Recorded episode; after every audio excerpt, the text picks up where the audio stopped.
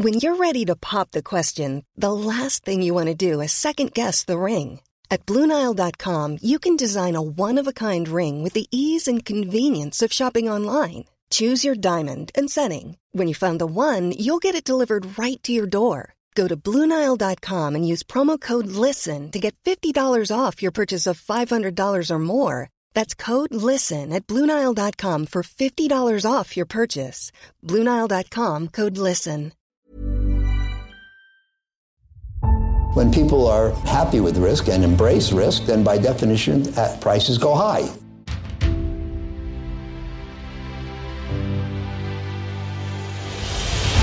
When the cycle turns down, they generally sell at prices that are far too low. This is not about getting more information. We live in a world where we have too much data. I'm uh, happy to report another stable quarter.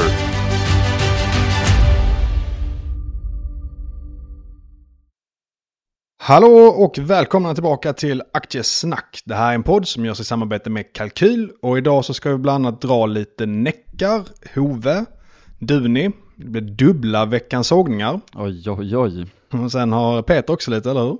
Och utöver det så blir det Smarta och Brunello Cucinelli äntligen. Äntligen.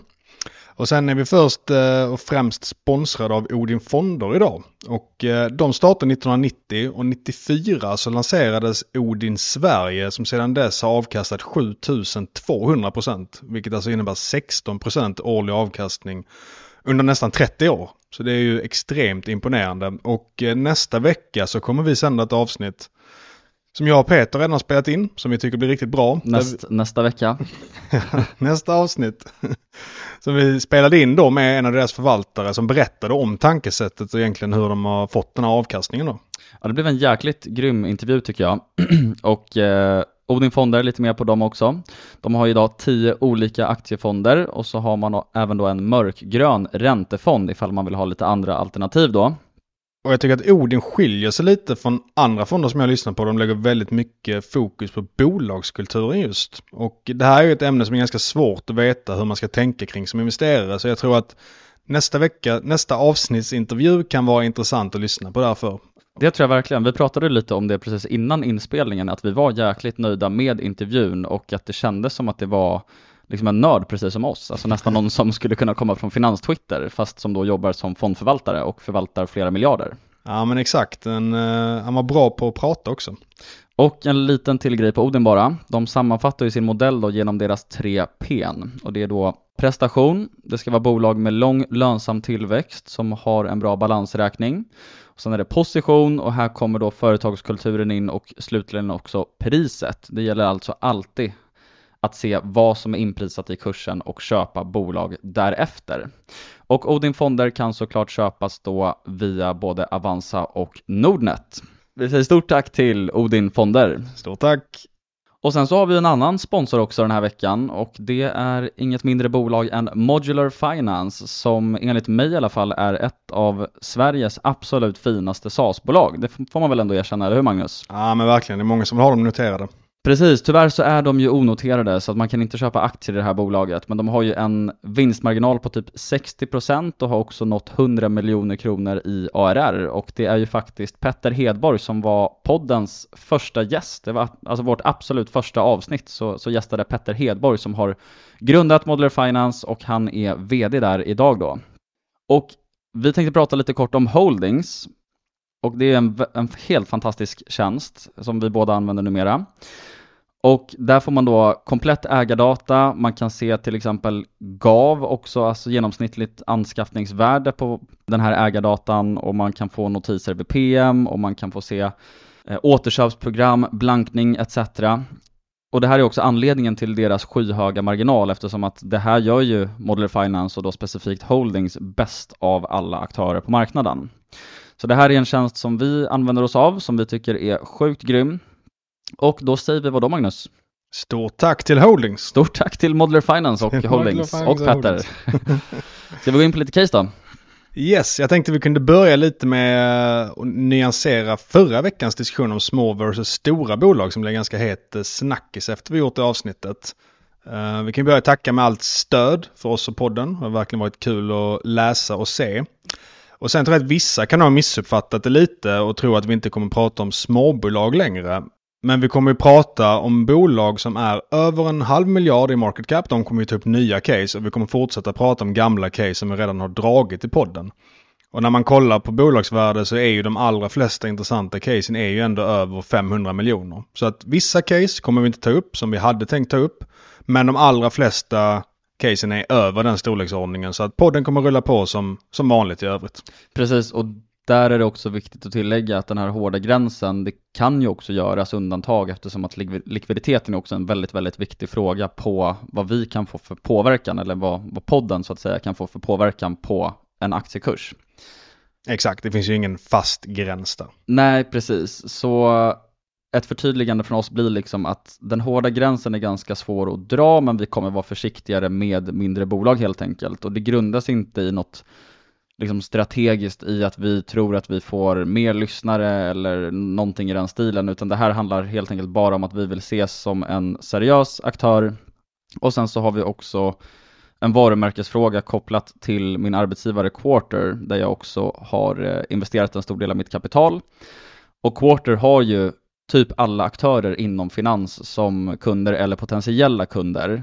Så om någon av mig, eller kanske framför allt mig, men även du Magnus, eller podden i stort, hamnar i skottlinjen för att vi har pratat om ett bolag och någon eh, har någonting helt enkelt att säga om det och någon anklagelse så är det helt enkelt inte bra ur quarterperspektivet. Att, alltså jag har ändå 17 000 följare på Twitter, vi har 10 000 lyssnare per avsnitt nu i podden och så vidare. Så det, är, det har ändå blivit ganska stort och därför så, så har vi rätt många ögon på oss och det ser helt enkelt inte bra om man får någon sån anklagelse publikt.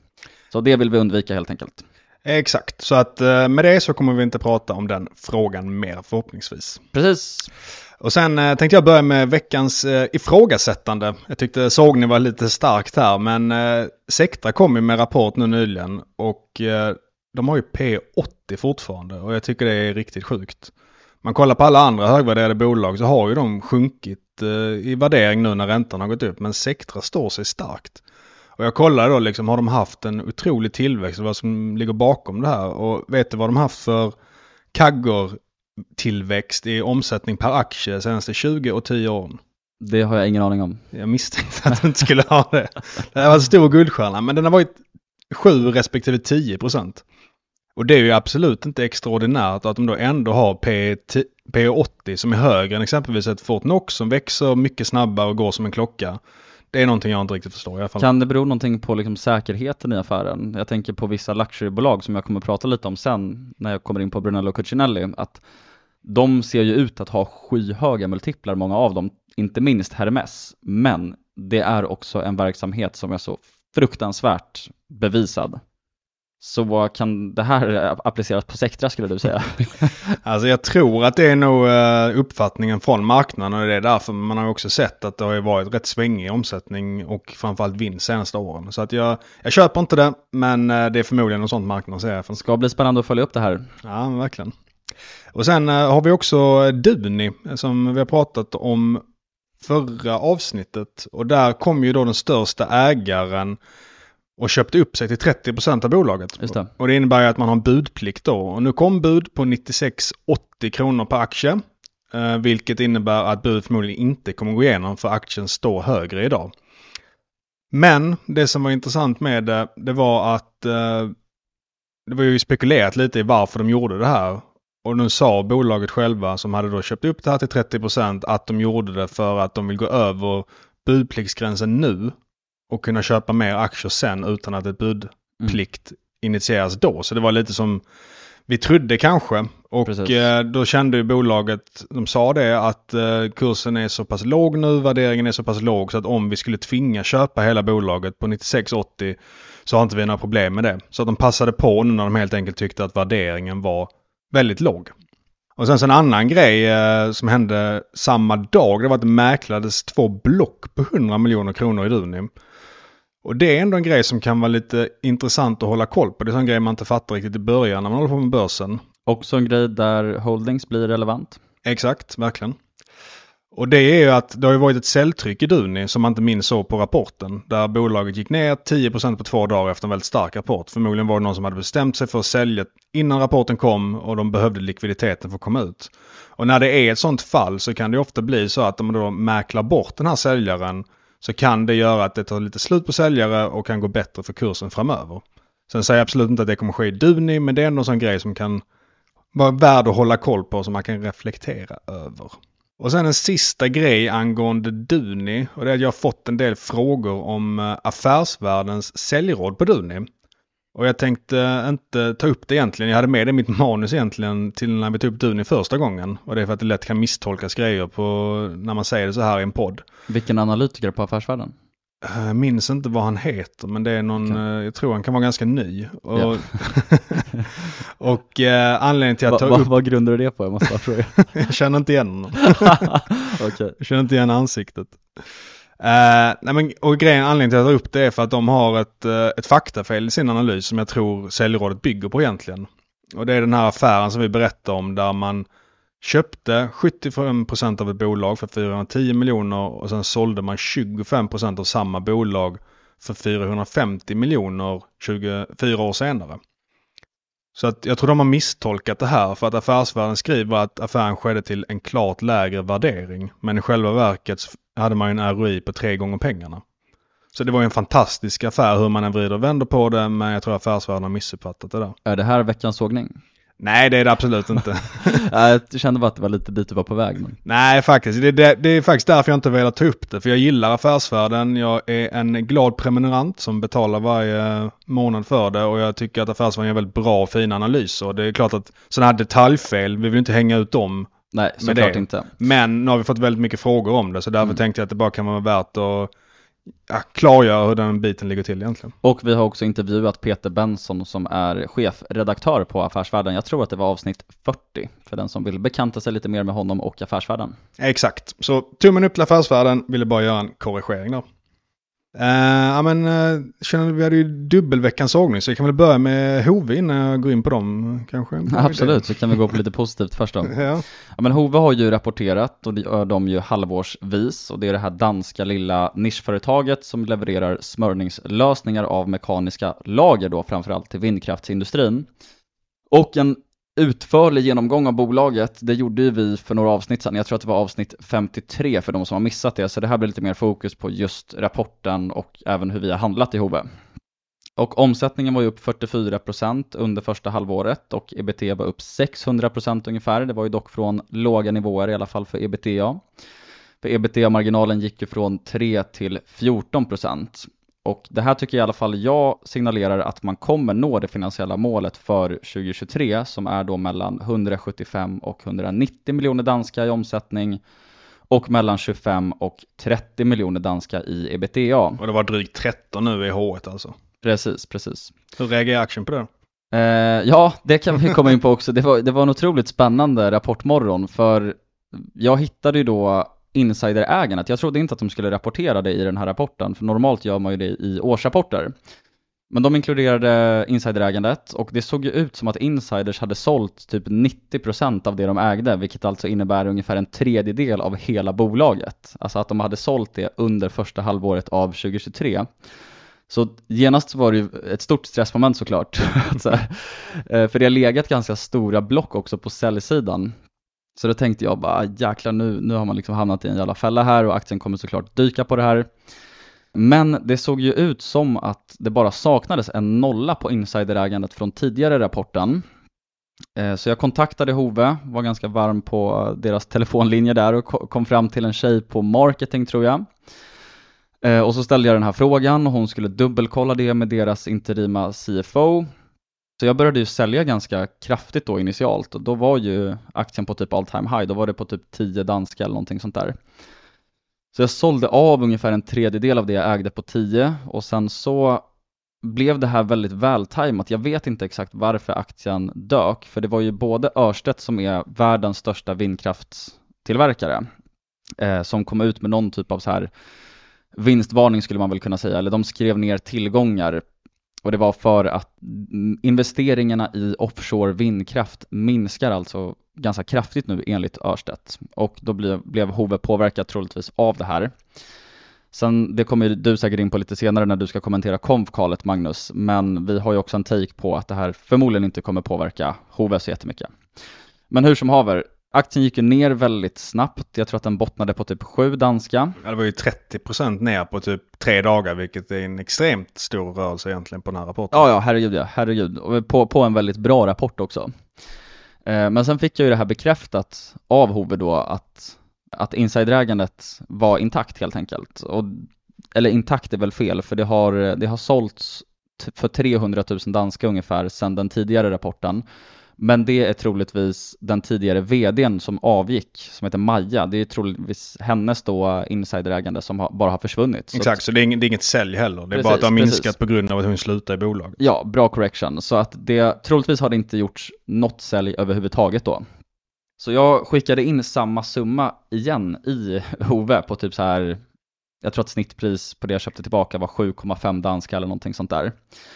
Så det här blev ju en eh, helt otrolig trade för mig, för nu, nu är aktien tillbaka på typ 9,5.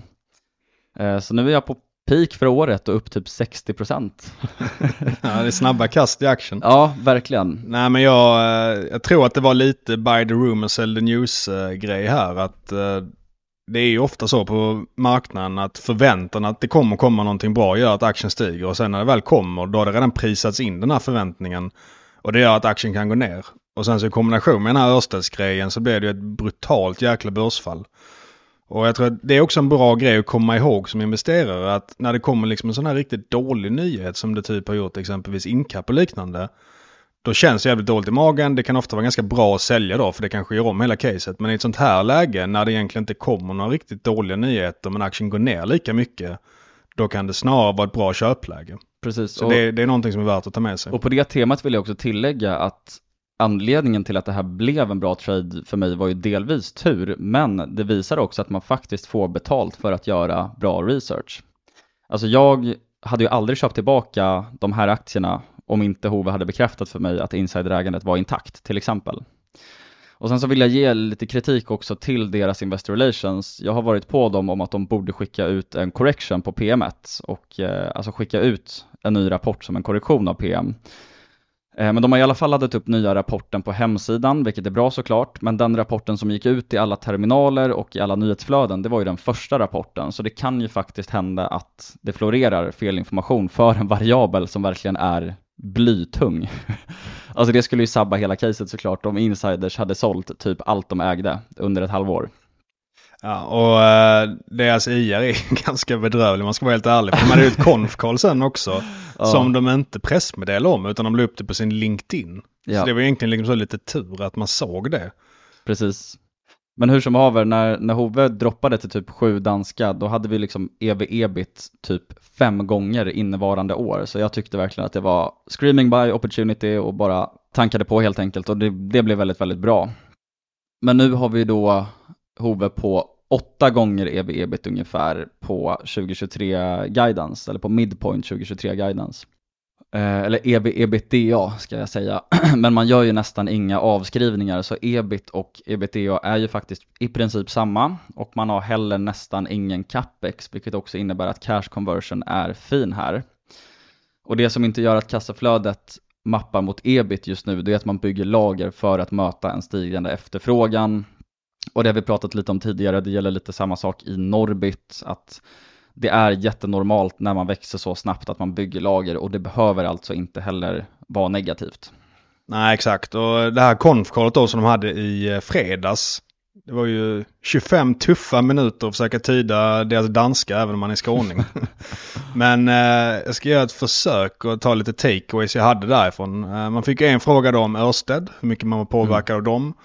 Och då svarar man i princip, eftersom vi levererar service så är vi relativt opåverkade av hur det går i den ekonomiska konjunkturen. Precis, vilket att, låter rimligt. Ja, så att jag antar att de inte är jättepåverkade och rädda över det. Och, och, och det är så litet bolag också. Ja, och överlag så var, gav de ett ganska självförtroendeaktigt intryck. De sa att de hade rätt konservativ guidance till och med. Sen så vet jag inte om det gällde bara omsättningen eller om det gällde mm. resultatet också. I alla fall gällande omsättningen sa de att de var ganska konservativa med sin guidance. Och det har man ju också varit historiskt faktiskt. Ja. Så jag, jag tycker att det låter tillförlitligt. Och sen så en grej som jag kollade lite extra på i rapporten det var att räntekostnaderna hade gått upp väldigt mycket vilket jag tyckte var lite oförklarligt och de hade ingen förklaring i rapporten heller. Men där sa de att det bara var en sån här klassisk valutakursförändring som alltså inte är då att räntekostnaderna har gått upp utan det är sånt som kan skifta mellan kvartalen beroende på hur valutan går. Precis, och det var ett frågetecken vi hade inför också, men det, ja, eller kanske det största frågetecknet. Eh, så vi tycker väl att Hove egentligen är ett bättre case idag än när vi pratade om det första gången, för vi har i princip samma värdering, vi har fått svar på eh, de finansiella kostnaderna och det frågetecknet. Och nu tycker vi även då att det ser ut som att man kommer slå 2023 guidance, åtminstone komma in på guidance. Jag har i alla fall i mina estimat att man kommer slå guidance lite. Alltså växer man som man gjorde i H1 så har vi ungefär ev-ebit gånger 7 då på 2023. Och det här är alltså ett nischat servicebolag med strukturella trender i ryggen. Det är 37% insiderägande. Marginalen expanderar väldigt snabbt just nu så vi har lite proof of skalbarhet skulle man kunna säga. Man växer med 44% i första halvåret 2023 och man har också låga investeringsbehov. Eh, så jag tycker fortsatt att det här ser ut att vara ett jäkligt bra case. Sen när man ska ta upp någonting eh, negativt eh, så verkar det gå rätt trögt med de här segmenten utanför vindkraft. Alltså man ska in i hamnterminaler och liknande och kunna smörja dem. Och där är ju min erfarenhet i alla fall att går det segt då är det ofta så att det inte kommer gå överhuvudtaget. Sen så säger de nu att de har rätt mycket utvärderingar på gång. De kommer få mm. besked om dem i H2. Så att uh, man får se nu egentligen under H2 hur kommer det gå? Kommer det bli några framsteg där? Blir det inte det då kommer jag i alla fall inte räkna med att det kommer bli någonting där. Sen så behövs ju inte, kanske inte det för att räkna hem caset heller i och för sig. Och jag för mig, nu har jag inte de här siffrorna framför mig, men att typ 90% av revenue ändå kommer från befintlig verksamhet inom vindkraft. Ja, nej, men all, och, och nu har vi liksom ja, 7-8 gånger ev-ebit på innevarande år och de växer fortsatt väldigt snabbt. Så jag, jag tycker liksom att värderingen kräver ju heller inte att man ska lyckas inom nya segment. Nej. Men, men ja, bra insight. Och sen eh, gällande säsongseffekten också hade jag en fråga där. För att många vindkraftsbolag är starkare i H2 än i H1. Så jag tänkte att om det är så för Hove och det här ändå var en stark H1-rapport då kommer man ju nästan säkert slå guidance. Precis. Men där sa bolaget att man säljer som mest när det blåser som minst. För att det är då man håller på att serva helt enkelt. Och en snabb googling visade att det blåser som minst mellan maj och augusti på norra halvklotet där majoriteten av alla människor bor. Och då har vi två månader i H1 och två månader i H2. Så att jag tror tyvärr inte man kan räkna med en säsongseffekt. Mm. Men samtidigt så har de ju en stark tillväxt. Även utan då en säsong, säsongsmässigt starkare H2 så borde de kunna nå in på ja, Ja. Bra gräv Magnus. Ja, man försöker. Ska vi gå in på SmartEye? Det kan vi göra. SmartEye har ju också rapporterat och det var också väldigt starkt tycker jag. Omsättningen steg med 15% men dit alla blickar riktas det är ju såklart omsättningen för Automotive som i princip hela caset bygger på och den steg med 45% mellan kvartalen, alltså Q&Q från förra kvartalet till det här kvartalet och 73% year on year. Och det här tycker jag innebär att inflektionspunkten nu på något sätt är bevisad.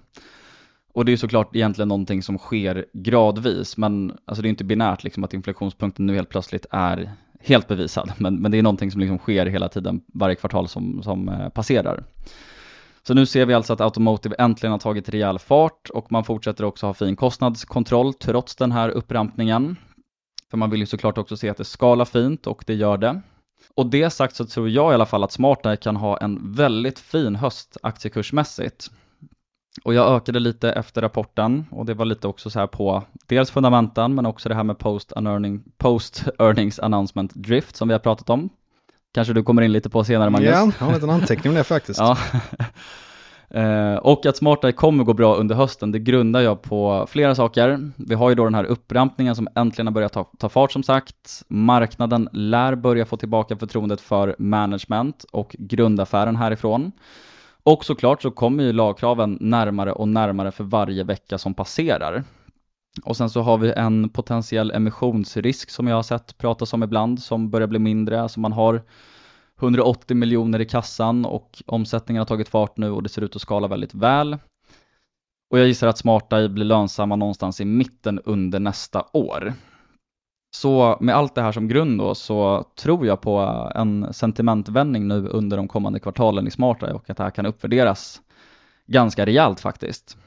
Och de två största riskerna tycker jag väl är potentiell prispress och att lagkraven skulle skjutas fram för att biltillverkare har svårt att få in DMS i deras produktioner. Men om vi ponerar att lagkraven inte skjuts fram, vilket de sannolikt inte gör, så ska den här aktien gå bra de kommande åren. Och när det kommer till att estimera smartare så tycker jag att kalkylen för revenue är ganska enkel, alltså den bygger på hur många bilar som kommer produceras i geografier som kommer omfattas av lagkraven som gör DMS obligatoriskt. Och sen så applicerar man en marknadsandel på det och pris per bil som alltså Smarteye kommunicerar själva. Och här har vi då antal bilar som är ganska lätt att estimera, alltså det finns mycket tillförlitlig data på det och det är också ganska statiskt. Och sen så har vi eh, market share då som faktiskt till stor del redan är avgjord genom befintliga avtal. Så som sagt, topline tycker jag är lätt att estimera, men kostnadsbasen känner mig väl inte helt trygg med. Men jag tror att vi har ungefär 3,5 eller 4 gånger EV-EBIT på 2026 nu. Man fick en bra nyhet nu också i veckan som gick. Ja, precis. Jag, jag tänkte komma till det. Eh, en vecka efter rapportsläppet då så publicerade man ju 12 nya design wins och det var ett värde på det på en halv miljard SEK. Och det är ju så stort värde så sannolikt så har man ju vunnit Toyota eller Honda vilket då såklart är extremt positivt för sentimentet också och för fundamentan och businessen. Så som sagt på 3,5 eller 4 gånger EV-EBIT så tycker jag att det här ser billigt ut. Så ja, det är inte ett av mina största innehav men jag äger aktier. Snyggt! Med det känner jag att det varit för mycket case nu. Behöver det sågas lite här eller? Kör hårt! Vi kan börja med ett av mina gamla innehav, uh, Awardit. Uh, där har ju största ägaren gått i konkurs och kommer då troligen behöva sälja aktier.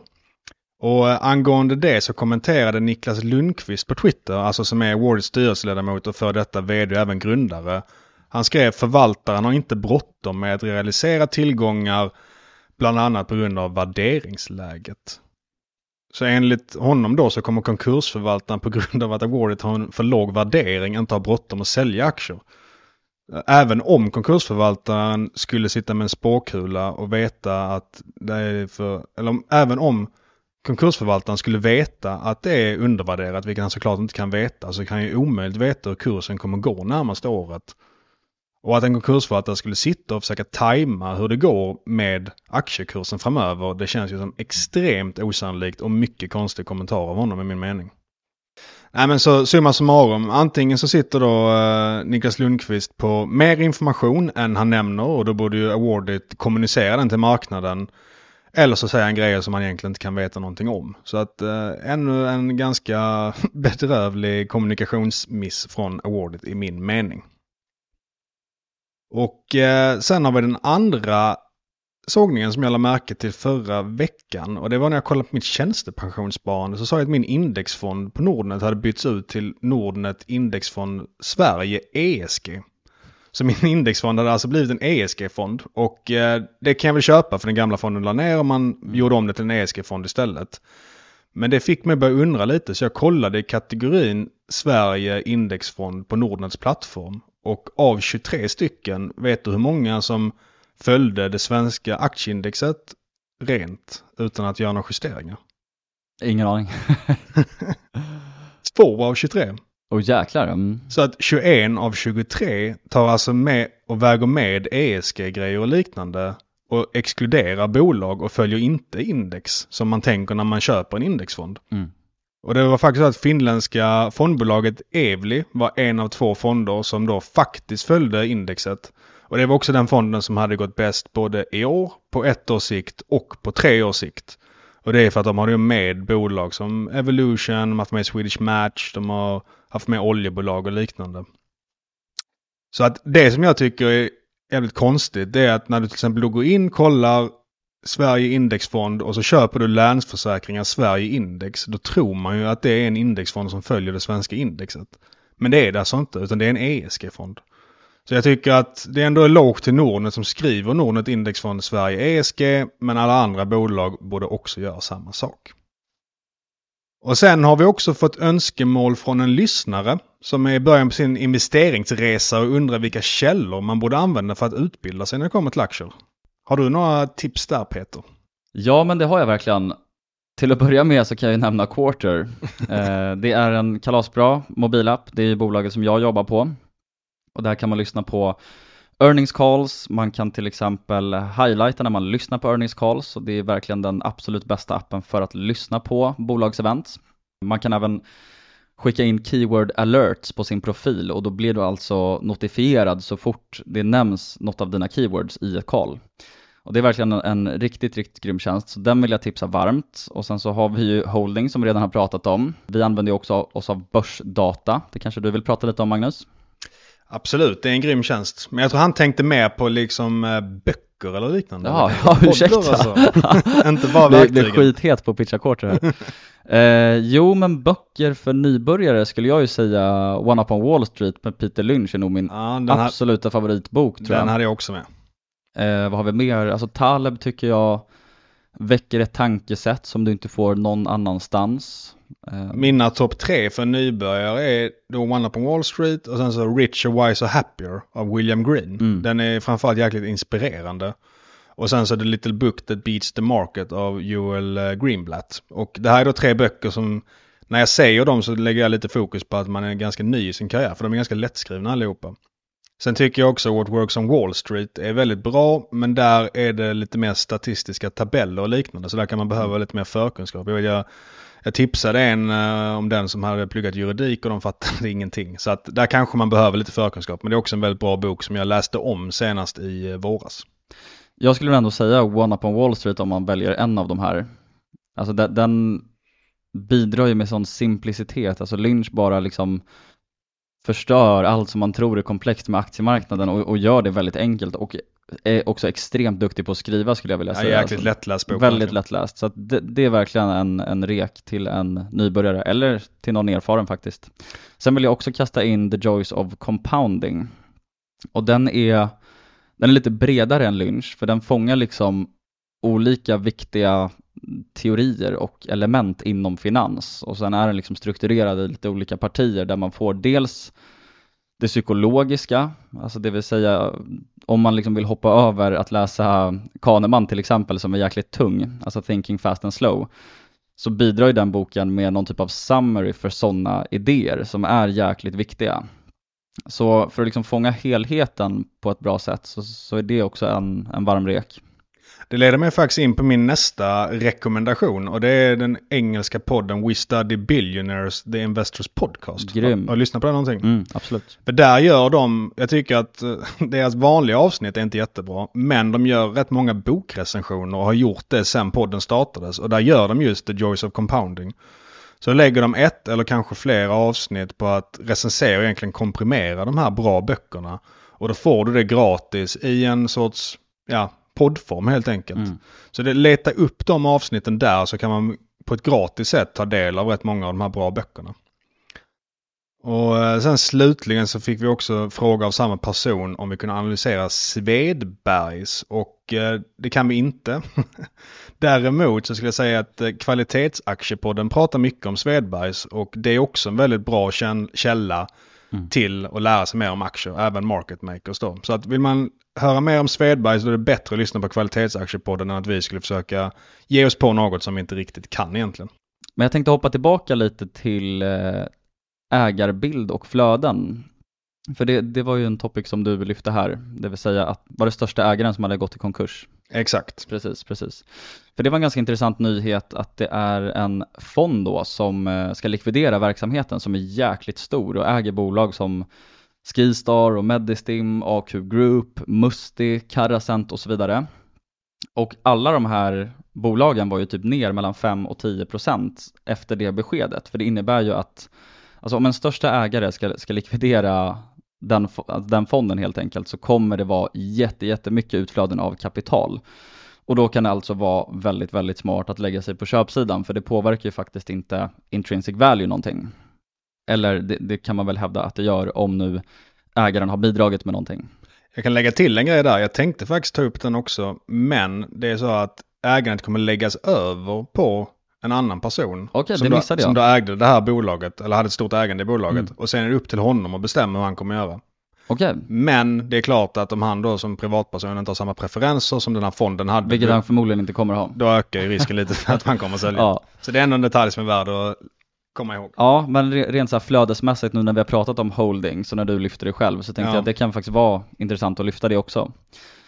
Så då skulle man ju kunna kolla på vilka bolag som finns i den här portföljen och om det är så att man kan något av de här bolagen tidigare, kanske till och med äger och så vidare och gillar bolagen, så kan det ju faktiskt bli väldigt, väldigt fina köplägen. Exakt. Sen så just i det här fallet tror jag det är en sån gräns att det här kommer portioneras ut under sex kvartal om jag fattar det rätt. Så att är det någonting som han vill sälja då, då kommer den kunna, det kommer kunna ge press på aktien under sex kvartal. Så man kan ju ställa en reminder i kalendern om ett och ett halvt år att då kommer det verkligen i så fall vara extremt bra köpläge. Och är man väldigt långsiktig så kan det vara bra då under tiden han gör det, Precis. köpa in sig i aktierna. Bra att du rättar mig Magnus, jag, jag såg faktiskt bara rubriken och, och eh, grävde faktiskt inte mer i det. Ja men det är ändå ett viktigt koncept som är värt att lyfta. Men jag har ju ett heltidsjobb också. Kan inte bara sitta och gräva på Nordnets fondtorg efter ESG-fonder som inte Precis. skriver att de är det. Precis. Ja, det är sant. Sen så eh, kanske det är dags för Neckar eller? Kör hårt. Och det är ett bolag som vi har haft uppe många gånger i podden. Och jag tycker de kom med en jäkligt intressant rapport nu. Så jag kommer att lägga lite extra tid på dem. Och sen så har ju aktien också stigit. eh, Den är upp 30% sen rapporten. Så det är ju brutalt i den här ganska slaktiga sommaren som vi haft. Där många aktier har åkt ner 30% istället. Men själva rapporten var hyfsat bra. Man ökade ebitda från 25 till 29 miljoner NOK. Men det var andra grejer som var det intressanta. Först och främst om vi börjar med skepplyftardelen som är den absolut viktigaste delen för Neckar och det som genererar nästan alla intäkter. Så skrev man i rapporten att den delen var severely impacted by the covid-19 pandemic in 2021 and 2022. Men nu har man sett hur det börjat återgå till det normala. Och det kan man börja se i siffrorna också. Och jag tycker att Neckar har fått mycket kritik för att det varit så slagigt och det kom jättedåligt 2021 och 2022. Man liksom fattar inte riktigt. Men enligt ledningen i alla fall så var det här då en effekt av covid och nu så kommer man kunna se lite mer hur det normala Neckar presterar. Och när man kollar på vad de sa i eh, presentationen så sa de att de ska leverera från orderboken 336 miljoner kronor inom det här segmentet i H2. Och det kan jämföra med hela Neckar som omsatte 204 miljoner kronor, miljoner NOK i H2 förra året. Så bara skepplyftardelen kommer göra att Neckar växer med 65% i H2 och sen så har man ju dessutom då den här lilla SAS-verksamheten Intelliwell ovanpå det som är lite krydda till det. Så att, Och det här var en insight som du hittade via kalet. Ja men exakt, de sa inte rent ut att de kommer växa med 65% men man kunde dra den slutsatsen ganska enkelt när man, när man kollade på det. Påvisar också värdet av att gräva och även lyssna på Karlsson. Ja, exakt.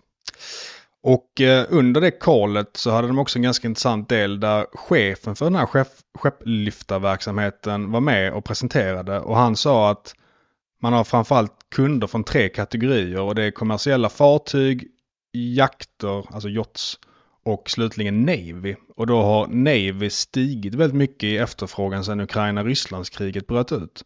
Och det har då bidragit till att de ser en större potentiell orderbok framöver.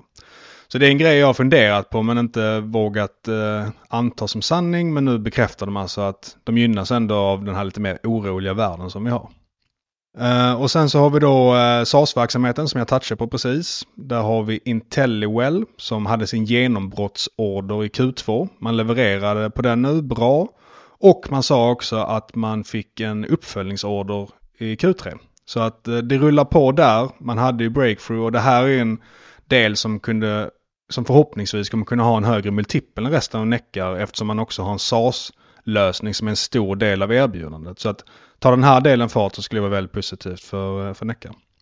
Och sen så hade de också en nyhet i fiskdelen. De har gjort de här burarna till laxodlingar så att inte det ska hålla på och bli eh, infekterat och liknande. Och där gjorde man nu en grej att man investerade i bolaget Fisk med två i och ett z. Känns som ett ganska norskt namn. Eh, och det tycker jag ändå är lite positivt för jag har inte räknat med den här delen. Jag har ju som jag tidigare sagt inte gett stort värde till det här för det har tagit så lång tid. Men nu betalar man 50 miljoner NOK för att få 39% ägande i ett bolag som omsätter 330 miljoner NOK. Och man betalade med 25 miljoner NOK kontant och 25 miljoner NOK i värdering då för att man licensierar ut sin teknik egentligen. Eller man ger tekniken till det här fisk då. Så att jag tycker det var ganska knapphändig information om vad man väntar sig framöver med vinst, synergier och så vidare. Men ändå positivt att det händer någonting och jag tycker ändå att nu kan man väl räkna med 25 miljoner NOK i alla fall istället för noll som jag gjort tidigare. Och sen så i vindkraftsdelen så verkar det vara så att man är med i ett konsortium som håller på att bidda på en vindkraftspark utanför Norges kust. Och det är absolut inte säkert att de kommer vinna den, men det är ändå bra att man har valt som leverantör till det. Och det tycker jag ändå bevisar att ett stort konsortium verkar vilja ha deras teknik och även om inte det här projektet skulle gå igenom så kommer de förmodligen pröva med det på ett annat, är min tanke då. Så eh, bra även i smådelarna av Neckar. Sen så har vi lite återköp va?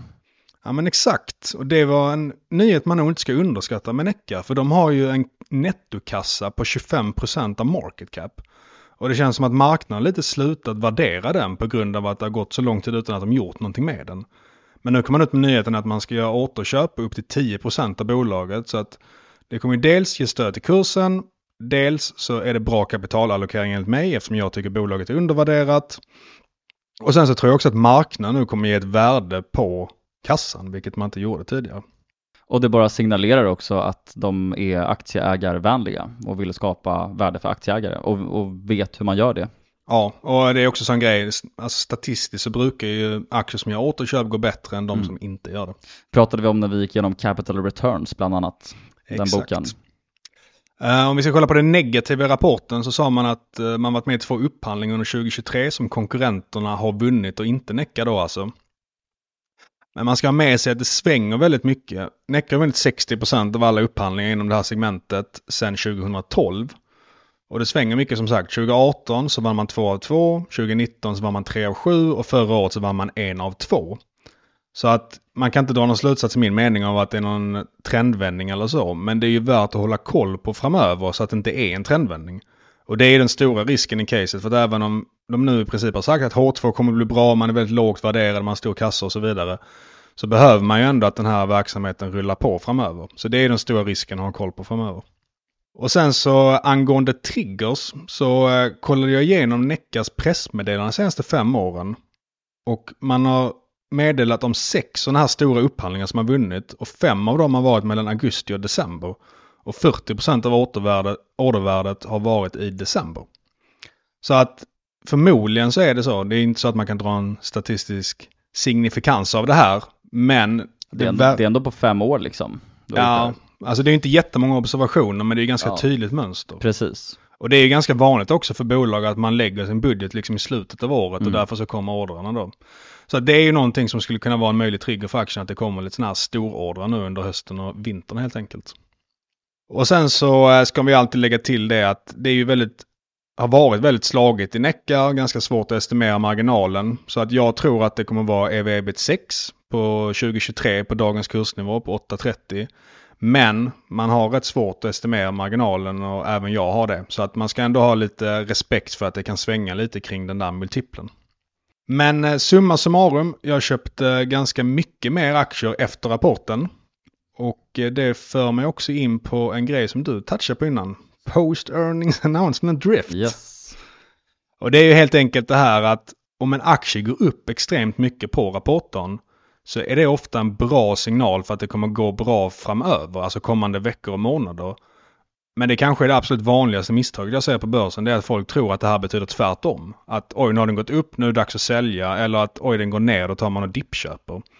Men det är egentligen precis tvärtom mot hur man borde tänka. För att statistiskt... Såklart beroende på liksom, hur rapporten var också. Ja, ja, 100 procent. det är som vi Men, sa ja. i Hoven, när det skedde liksom utan någon bra anledning så köpte man ju mer ja, och så vidare. Precis. Men det här tänket att man inte borde köpa aktien bara för att den har gått upp mycket på rapporten. Det ser jag extremt ofta, både bland erfarna och mindre erfarna investerare. Och jag tror att många går i en fälla där, för att om du kollar på det statistiskt så du borde tänka motsatt. Såklart så kan du inte bara gå efter det och tro att oj, en aktie gick upp mycket på rapporten, då kommer det gå bra närmaste månaden. Men det är ändå en pusselbit att ha i bakhuvudet som är positiv snarare än negativ. Och det verkar som att väldigt många tänker tvärtom där. Just det, och sen så en sista grej också som jag skulle nämna som en möjlig liten risk. Det var att återköpen sa man att man kanske ska använda till företagsverksamhet. Vilket då innebär förmodligen att man skulle göra förvärv av det hela. Och när man har ett bra grundcase så gillar inte jag normalt sett att man gör förvärv för då adderar det ju såklart en extra risk. Så det här är ju en så kallad risk som är väldigt långt borta men det är ändå någonting som är värt att ha med sig. Okej, så de sa att det kommer eventuellt inte bara bli återköp för den summan? Nej, alltså de kommer då återköpa aktier och använder de aktierna för att betala ja, för jag förvärv tänkte, ja. istället för att makulera aktierna som man Ja. normalt sett gör kanske. Så eh, summa summarum. Väldigt starkt H2 på gång, väldigt låg värdering, lite positiv krydda i de mindre segmenten och man kommer då börja använda kassan för återköp. Så att jag ser positivt på Neckar framöver. Tråkigt dock för Necka då att eh, kursen gick upp så mycket när, nu när de ska återköpa. Ja, det är faktiskt sant. Det har varit trevligare att göra det på 6 kronor. Ja. Sen har vi lite eh, lyx kvar att prata om, eller hur? Ja, men precis. Eh, Jag nämnde för ganska många avsnitt sedan att jag skulle prata om Brunello Cucinelli och då gav jag en liten hisspitch på det bolaget och sen så har jag fått ganska många förfrågningar på när det kommer en deep dive, så den kör vi nu helt enkelt. Ja då. Och det är ju ett jäkligt häftigt bolag det här på många sätt. Bolaget och brandet är ju byggt på en av de absolut häftigaste entreprenörsberättelserna som finns vill jag hävda. Vilket också är jäkligt passande rent affärsmässigt för att luxurybolag såklart är väldigt, om inte helt beroende av storytelling. Alltså i regel så behöver det finnas någon typ av story för att ett lyxvarumärke ska bli riktigt, riktigt eftertraktat. Och Brunello Cucinelli, han växte ju upp i ett litet fattigt bondesamhälle i mitten av Italien, en bit utanför staden Perugia. Och där hade de ju varken elektricitet eller rinnande vatten. Och redan här börjar faktiskt den filosofi då som egentligen formar hela bolaget och varumärket idag. Och det bygger alltså på mycket filosofiska värden såsom hur man ska leva, attityd, harmoni och inte minst kreativitet då. Och Brunello nämner ofta själv då den här tiden och den här platsen där det alltså var väldigt få störningsmoment, alltså inga telefoner som snodde uppmärksamhet, inget internet och så vidare, som den absolut bästa tiden under hans uppväxt och då han också kunde tänka klarast. För då hade han liksom så starka band till naturen och starka band till sin familj etc. Och det är liksom de här värdena som kommer tillbaka till Brunello och bolaget idag. Och de här insikterna kommer ju inte bara från upplevelser från hans barndom. Han hoppade ju av ingenjörsutbildningen också när han var 24 år för att förkovra sig i filosofiska texter på fritiden istället. Det var alltså inte knutet till någon akademisk utbildning och så vidare. Och han är verkligen en bokmal i samma kaliber som Buffett. Och i Solomeo då, en liten by där han bor idag, där har han bland annat då byggt ett otroligt coolt bibliotek där alla i byn får låna böcker och typ hälften av de som bor i den här byn jobbar på Brunello Cucinelli, så det är som ett litet, litet paradis han har byggt upp där han liksom har han har byggt det här på de här värdena som han tog med sig från hans barndom och all filosofi som han har läst. Ja, han har inte byggt massa grejer i staden också för att han vill liksom göra det fint i hans hemby. Precis, alltså monument, eh, liksom bibliotek, en jätte, jättefin eh, fontän och så vidare. Och det som är så intressant här, det är att hela bolaget andas ju liksom den här storyn, så det kanske låter lite löjligt att bara lyfta liksom det som, som en grej som spelar roll för businessen. Men varumärket är ju byggt på hela den här storyn och liksom alla de här filosofiska värdena och därför tycker jag att det är, det är en väldigt unik och cool story och det lämpar sig väldigt, väldigt väl för ett luxurybolag. Ja men exakt, för när det kommer till de här luxurybolagen så är ju varumärket allting och då vill man ju ofta ha en story bakom det som man då tycker är lite cool och inspirerande och det är det verkligen här. Precis, och jag kan rekommendera alla att googla på det, Solomeo och Brunello Cucinelli och kolla lite för det, det ger verkligen en otroligt cool känsla. Och jag och några vänner har faktiskt funderat på om vi ska åka dit också och besöka. Nya Omaha. Ja, men lite så och alltså i och med att det är så liten by och han bor där så tänker vi att man borde ju faktiskt kunna få träffa honom också, vilket vore jäkligt coolt. Han är ju ändå the king of Kashmir så att säga. Man kommer kunna hitta Peter som är runt i buskarna där och staka honom. Ja, man kanske till och med får något plagg av han. Tänk så här, tänk mig i en beige linnekostym, sitta och dricka vin med Brunello Cucinelli i Solomeo. Fy fan, tjejerna kommer kasta sig på dig. ja, men det, det hade varit eh, otroligt häftigt. Men det är Brunello Cucinelli eller LVMHs bolagsstämma som är på tapeten nu så vi håller på att välja lite mellan de här två. Och, Lyx eller lyx? ja, när vi ändå är inne på luxury liksom. Men det är nog LVMH som kommer vinna den här striden. Så jag tror inte att det blir Brunello Cucinelli i år eller nästa år i alla fall. Men hur som haver då så grundade ju han det här bolaget när han var 25 år gammal och han heter alltså Brunello Cucinelli och bolaget heter Brunello Cucinelli för att vara tydlig med det också. Och han var som sagt en, en väldigt, väldigt fattig bondpojke som nu är en av Italiens rikaste personer. Och i alla hans shareholder letters och intervjuer så pratar han ju väldigt mycket om humanistic capitalism. Och jag hittade ett citat från ett av hans brev då som sammanfattar vad bolaget gör och är på ett väldigt bra sätt och vad han menar då med humanistic capitalism. Och enligt min tolkning så är det här kanske den absolut mest unika och viktiga idén som man har då. We have always wanted to combine the ethics of profit with the inborn value of quality in all its forms. Dignity of work, beauty of life, value of craftsmanship, promotion of creativity and exclusivity, harmony with the surrounding environment and the ability to keep pace with the times. Fan, det är nya Björn Ranelid som sitter här. Fastnade det där bra där Magnus? Ja, verkligen. Ja men det är så, det, alltså, det är otroligt, otroligt bra skrivet och jag tycker att det sätter finger på exakt vad Brunello Cucinelli är för någonting. Men om vi går in lite på siffror och investeringscaset. Bolaget har ju idag ett börsvärde på ungefär 5 miljarder dollar och Brunello själv äger ju strax över 50% av bolaget. Och till att börja med då så består ju bolaget av ett enda varumärke, så det är ju liksom ingen spretig koncern och man behöver inte förstå flera olika industrier och element. Och det här varumärket har befäst sig i en otroligt stark position inom den kanske affärsmässigt bästa kategorin inom luxury och det är ju fashion and leather. Och där har vi ju sett, inte minst på LVMH, att det är just fashion leather som har gått bäst år efter år under väldigt lång tid nu. Hermes är också ett bra exempel. Och kollar vi på omsättningen så känns ju också alltså som att bolaget storleksmässigt befinner sig i någon typ av sweet spot tycker jag. För bolaget är ju tillräckligt stort och bevisat för att man ska ha den tryggheten med sig. Alltså det vill säga att de har ett etablerat varumärke globalt, men samtidigt så är ju bolaget inte superstort för varken market cap eller omsättning och det tycker jag är lite lockande också. Och det som kanske är mest intressant här, det är ju faktiskt marginalen. För kollar vi på andra luxury brands så ligger Brunello idag betydligt lägre då med ebit på 17%. Och där har vi LVMH och Hermes som båda har runt 40-50% för sina respektive fashion and leather segment. Och det här blir också extra intressant eftersom Brunello opererar inom det som kallas för quiet luxury. Och quiet luxury handlar väldigt mycket om tidlösa och ganska enkla och anonyma plagg som då väldigt sällan har synliga loggor. Och därav då namnet quiet luxury för de som inte greppade det. Och här tänker säkert många, kanske du också Magnus, så här, vänta nu, är inte hela grejen med luxury att folk köper det för att flexa och kommunicera att man har pengar? Jo, så är det ju såklart, men då är det viktigt att poängtera här att inom lyx så finns ju olika kategorier och gemene man ser nog lyxvarumärken som Louis Vuitton, Hermès, Moncler, Gucci, Dior etc som varumärken som är liksom the highest end, det vill säga de dyraste varumärkena, men det stämmer alltså inte. Alltså, man kan ju kategorisera lyx inom olika kategorier som sagt och de, de här varumärkena som jag precis rabblade upp, de placeras ju under aspirational luxury. Alltså det är det som du skyltar med eller vill skylta med.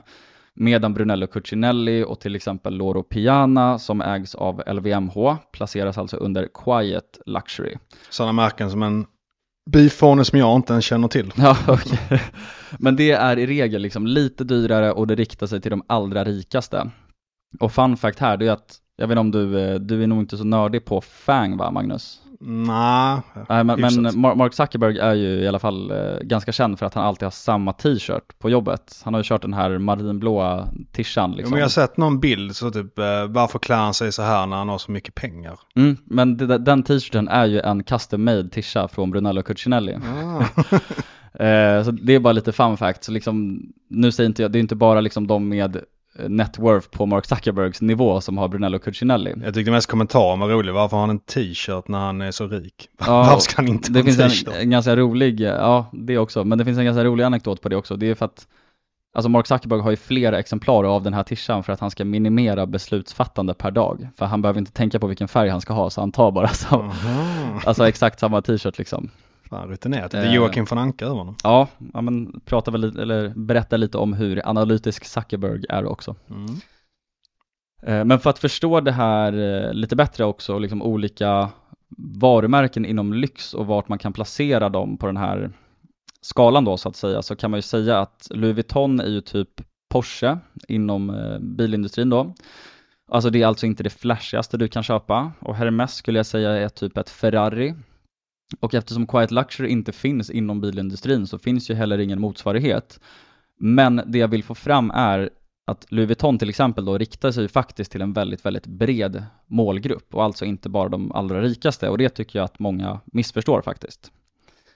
Och inom fashion då så har vi ju ytterligare steg och det är alltså Quiet Luxury, till exempel Brunello Cucinelli och Loro Piana. Och intressant på det här temat, det är ju att den här trenden, det var ju Hermes som populariserade den här trenden, det vill säga Quiet Luxury, för de gick ju rakt emot Louis Vuitton och släppte väskor helt utan loggor. Vilket var liksom ett ganska crazy decision när det gjordes, men det har ju gått väldigt, väldigt bra. Men nu ska vi prata Brunello och inte Hermes, även om jag hade kunnat prata mig väldigt varm om det också. Eh, så bottom line, Quiet Luxury handlar ju mycket om så här, den som vet, den vet. Och det, det riktar sig till de allra rikaste. Men tillbaka till investeringscaset. Givet att man är liksom highest end här så borde man ha extremt bra pricing power. Och det borde också vara typ helt konjunkturokänsligt och så är det ju normalt för luxurybolag såklart. Men Brunello Cucinelli kanske till och med har starkare pricing power än till exempel ett Louis Vuitton eller ett LVMH. Och varför är det så konjunkturokänsligt? Ja men just för att man säljer till de allra rikaste, alltså som inte påverkas av att, eller det är klart de påverkas men de har fortfarande väldigt, väldigt djupa fickor. De har så mycket pengar så det spelar knappt någon roll Ja, precis. Bra att du förtydligade det. Men det är det jag menar. Medan ett Louis Vuitton som faktiskt säljer mycket även till folk som inte är rika. Som Alltså- inte riktigt har råd med det Ja, egentligen. precis. Nu har vi dock sett på siffrorna i Louis Vuitton, eller LVMH rättare sagt, att även de är ju väldigt konjunkturokänsliga. Men jag vill bara hävda att Brunello och Cucinelli kanske har till och med pr- starkare pricing power och är ännu mer konjunkturokänsligt. Så. Och sen så tycker jag faktiskt att Lynch-simpliciteten funkar bra att applicera här, för hans eh, investeringsteser i både Dunkin Donut och Taco Bell på 80-talet, de byggde ju mer eller mindre helt på att bolagen skulle expandera redan vinnande koncept och etablerade varumärken till andra städer och geografier. Och det här gick ju jätte, jättebra för Lynch. Och samma sak tycker jag gäller för Brunello Cucinelli. Och jämför man här så har ju Louis Vuitton typ 500 butiker globalt och Brunello har ungefär 100. Så det känns som en ganska riskfri uppsida i och med att varumärket ändå känns så etablerat globalt i att man kommer kunna köra samma framgångsrecept på fler geografier helt enkelt. Och då går vi in lite på numbers och värdering här. Och vågar man tro att den här eh, blygsamma marginalen som man har idag på 17% att den tar sig till 22% och att omsättningen fortsätter tugga på med typ så här 15% tillväxt per år då har vi faktiskt bara 15 gånger ebit tre år ut. Och om vi beaktar risken i det här caset så har vi någonting som jag skulle säga uppenbarligen kommer vara ett framgångsrikt företag i flera decennier och har en marginal som borde kunna röra sig över 30% på sikt. Sen så skiljer sig Brunello ganska mycket från LV och Hermes för Brunello har väldigt lite egen tillverkning så man kanske inte bara ska säga ja men de ska upp till liksom 40% marginal de också. Men marginalen bör kunna röra sig uppåt i alla fall. Hur gammal är Brunello-gubben? Nu är han väl typ 73 tror jag. Du, du tänkte på det som risk eller? Ja, jag tänkte så lite Torsten-risk i Ja. New Wave. Alltså jag tror att han har några år kvar och storyn tror jag också kommer leva kvar och sen så är ju hans barn väldigt inkluderade i verksamheten. Så jag betraktar inte det som en risk i alla fall kommande typ 10 åren. Och jag, jag tror liksom att skulle han gå bort imorgon så skulle ju faktiskt fortsatt den här storyn leva kvar. Kanske till och med bli ännu starkare om de har, om de tacklar det på ett bra sätt. Ja. Och sen så vill jag också bara berätta om en liten skattedebatt-observation som vi gjorde när vi var i Chicago. Då var vi inne på Moncler och Dior och pratade lite om andra lyxbrands och då sa faktiskt de som jobbar där att Brunello Cucinelli is going to explode. Alltså de sa att det gick så otroligt starkt, alla pratar om Brunello Cucinelli just nu och det är bara två observationer så man kanske ska vara lite försiktig med det men samtidigt så är de ju allt annat än incentiverade att prata gott om grannbutiken på Oak Street i Chicago. Eh, men säger ändå så här, och de är ju liksom mitt inne i luxurybranschen såklart och, och hör det vardagliga snacket. Så det tyckte jag också var lite intressant. Så kanske det absolut mest spännande luxurybolaget just nu skulle jag hävda. Jag äger dock inga aktier här. Jag tycker att jag har lite ännu mer spännande case i, lådan just nu. Och sen så avslutningsvis så vill jag också ge beröm till min goda vän och kollega Oliver Hamrin som heter då Professor Kalkyl på Twitter för han är den som har nördat ner sig allra mest i Brunello Cucinelli och har serverat mig med ganska mycket bra information och det var han som var anledningen också till att jag började kolla på det här. Så han förtjänar en shoutout för det. Snyggt! Lite mysig storytelling. Ja, men det, jag har det i mig ibland och idag var en sån dag. Ja, verkligen. Ja, men så med det får vi nog eh, sammanfatta avsnittet. Eh, lite allt möjligt, lite nordiska case, lite storytelling, lite halvsågningar här och var. Så att... Eh, Tjänstepension. ja, exakt. Så med det så får vi väl säga att missa inte avsnitt om två veckor då med eh, Odin Fonder. Det var faktiskt väldigt intressant. Och sen så kommer vi köra ett vanligt avsnitt igen två veckor efter det. Yes. Så eh, med det säger vi stort tack till alla lyssnare. Ha det underbart och ta hand om er. Då säger vi stort tack till Holdings och Odin Fonder och framförallt till alla som har lyssnat. Exakt. Vi hörs igen snart. Ha det gött. Ha det gött. Ciao. ciao. ciao. Inget som sägs i den här podden ska ses som rådgivning eller rekommendation. Inga sponsorer tar ansvar för eventuella saker som sägs i podden och alla investeringar är förknippade med risk.